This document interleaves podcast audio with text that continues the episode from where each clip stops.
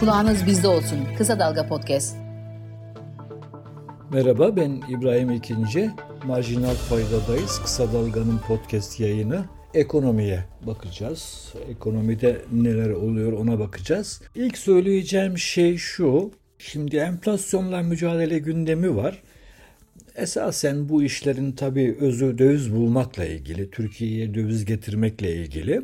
Şimdi biraz tabii seçimlerde yaklaştığı için bir seçim arası verilmiş havası var. Yani bekleyen zamlar yapılmıyor, bekleyen işte önlemler alınmıyor.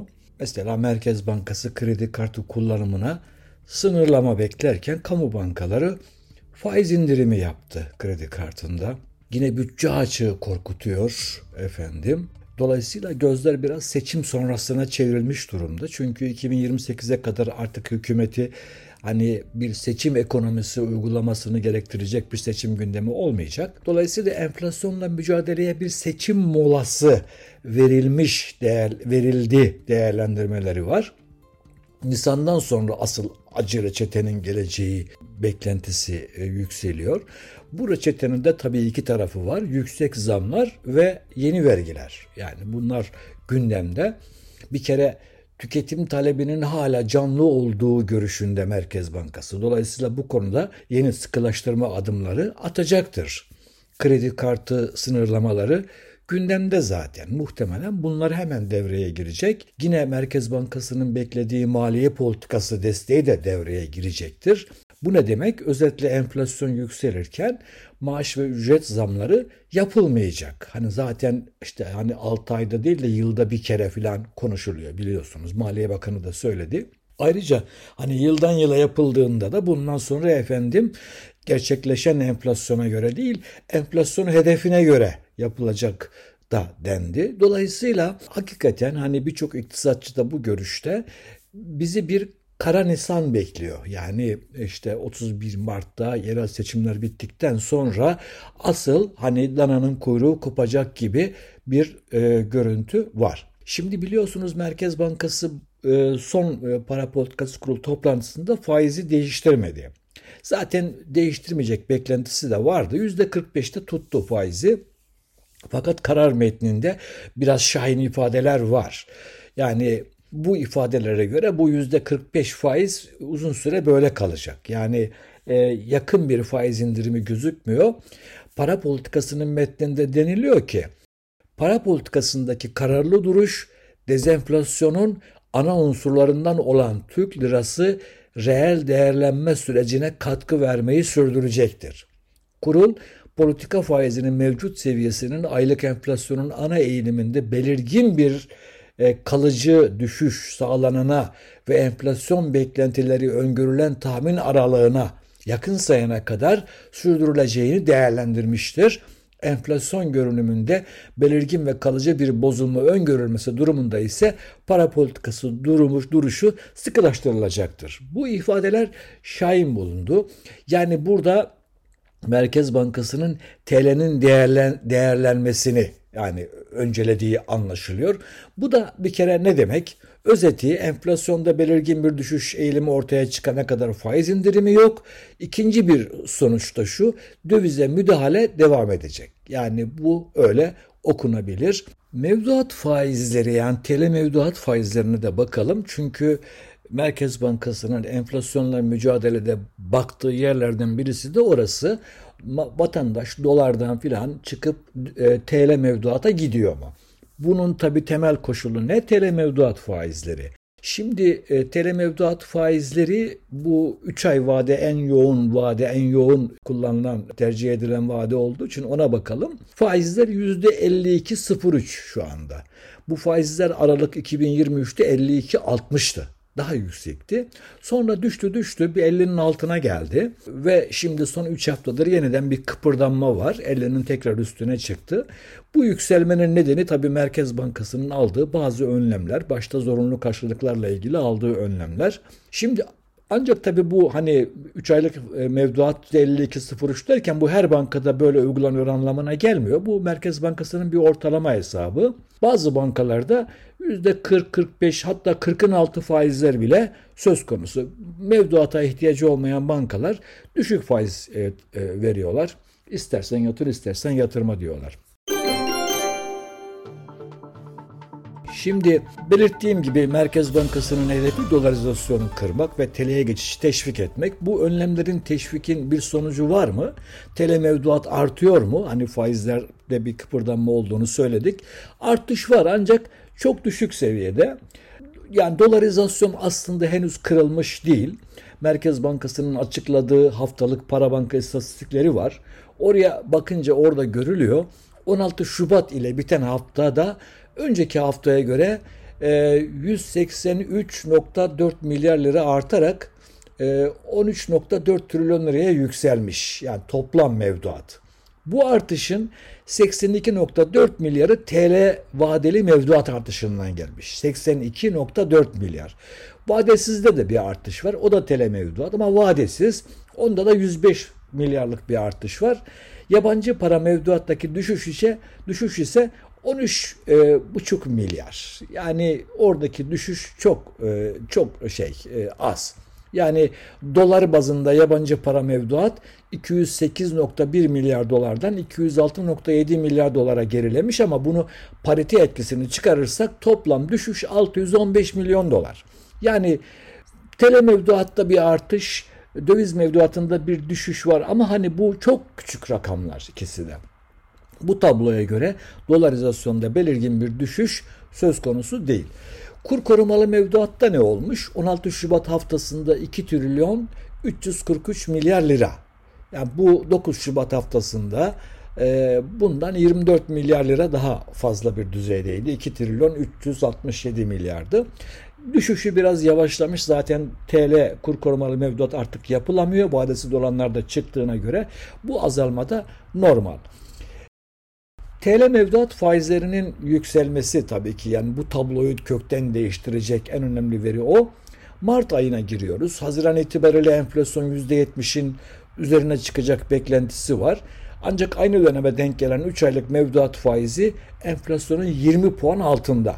Dolayısıyla vatandaşın TL'ye ilgi, e, ilgili enflasyona karşı bu faizlerle bir koruma sağla, sağlamıyor. Yani Haziranda ne deniyor? Enflasyon zirve yapacak, 70'leri bulacak. E Haziran'a hani diyelim 3 aylık mevduat yaptınız diyelim. E, alacağınız faiz en yüksek %50. E şimdi %50 olduğu zaman hani 20 puan altta yani altta bir faiz e, konuşuyoruz demek. Dolayısıyla yani TL'ye geçiş var ama hani TL'nin faizlerinin cazibesinden gelmiyor bu. E, vatandaş hani gidecek yer de göremiyor. Biraz biraz da mecburiyetten geçiyor. Dolar kazandırmıyor değil mi mesela?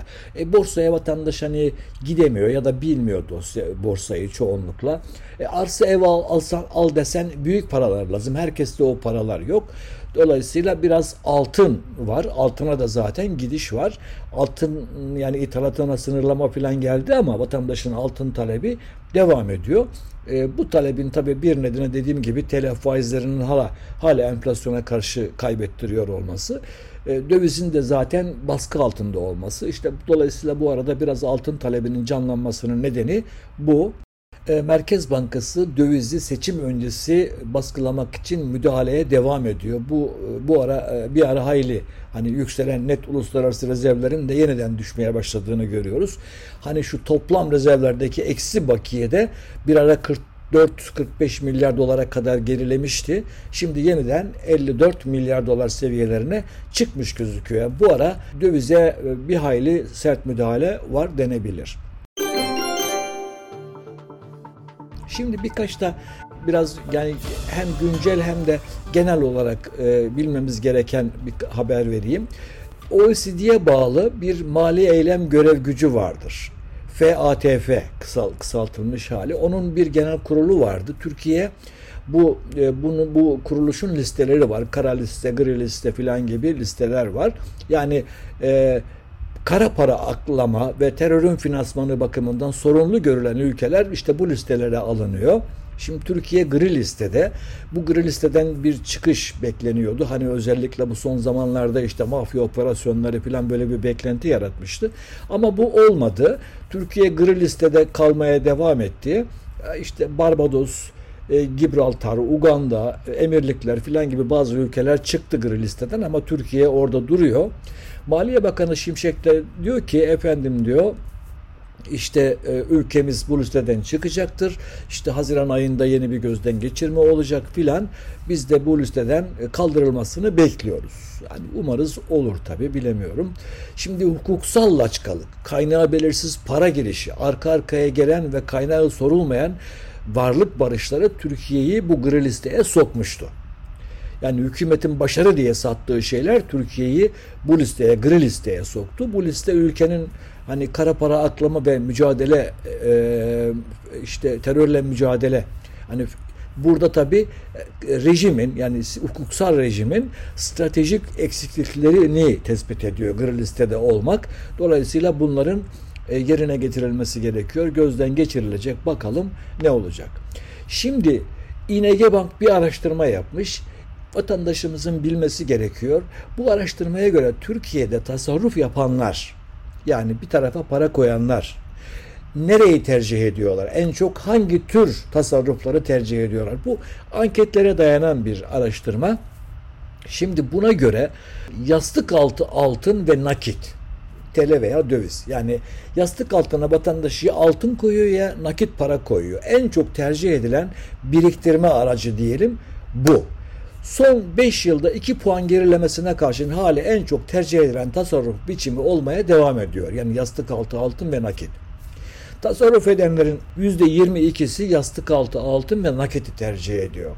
%19'u sistem içi altını yani yani bankalarda tutuyor altınını.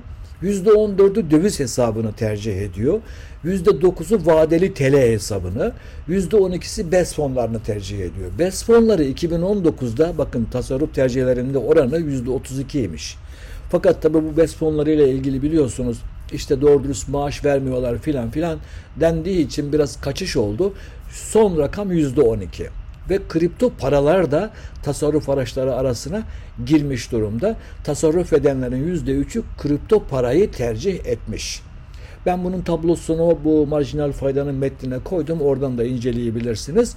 2023'ün birinci çeyreğinde tasarruf yapan bireylerin oranı %18.9 iken ikinci çeyrekte bu %25'e çıkmış. E, tersten bakarsak vatandaşın %75'i tasarruf edemiyor. Araştırmaya göre tasarruf edemeyenlerin %80'inin de tasarruf edecek bir geliri yok. Yani eline geçen parayı günlük geçimiyle geçimini karşılamaya kullanıyor. Evet. Bir başka önemli gelişme e, yabancıların konut satışı. Bu geçen hafta Ekonomi Gazetesi'nde de bir e, haber oldu. Şimdi son aylarda Türkiye'de yabancıların konut alımlarında %50 civarında bir düşüş olduğunu geçen haftaki marjinal faydada da paylaşmıştım bunu. Aylık 4-5 bin konut alırken yabancılar bu 2000 adetler seviyesine geriledi. Bu arada daha dikkat çekici bir gelişmede dediğim gibi yabancıların artık böyle hani satışa geçmeleri bu e, yeni bir boyutu. Yabancıların Türkiye'den aldığı gayrimenkul alımlarının tutarı 2023'te bir önceki yıla göre yüzde 45 azaldı. 6.2 milyar dolardan 3.5 milyar dolara geriledi. Bu yıl daha da devam ediyor bu. Yani 2024'te de devam ediyor. Buna karşın Merkez Bankası'nın yeni verilerine göre Türklerin, bakın Türklerin yani Türkiye'lilerin Türkiye Cumhuriyeti vatandaşlarının yurt dışında yaptığı gayrimenkul yatırımları ise çok artıyor. Yani bu dönemde %163.7 artışla 2 milyar 86 milyon dolara yükselmiş. Bu rakam 2020'de 282 milyon dolar, 2021'de 526 milyon dolar, 2022 yılında da 791 milyon dolardı. Şu anda bu 2 milyar 86 milyar dolara yükselmiş. Demek ki içeride yabancı alıyor ama bir düşüş var. Fakat bu arada Türkiye Cumhuriyeti yurttaşları da yurt dışında konut alıyorlar ve orada da %163.7'lik bir artış var. Zengin Türkiye Cumhuriyeti vatandaşlarının yurt dışında yatırımda en popüler destinasyonu Amerika. 2023'te yatırım ve ikamet amacıyla E2 vizesinden faydalanıp ABD'de ABD'ye gidenlerde de %115 artış olduğunu biliyoruz. Ekonomi gazetesinin haberine göre yabancılar Türkiye'de aldıkları konutları satmaya başladı. Türkiye'de mülk sahibi olan ve 5 yıllık süreyi dolduranların satma hakkı var biliyorsunuz. Dolayısıyla bu satışlar oluyor.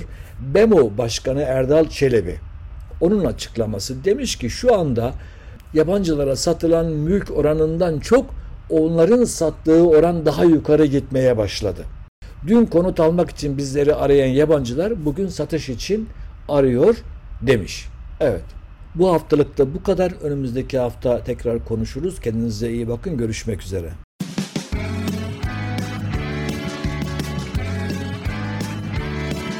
Kulağınız bizde olsun. Kısa Dalga Podcast.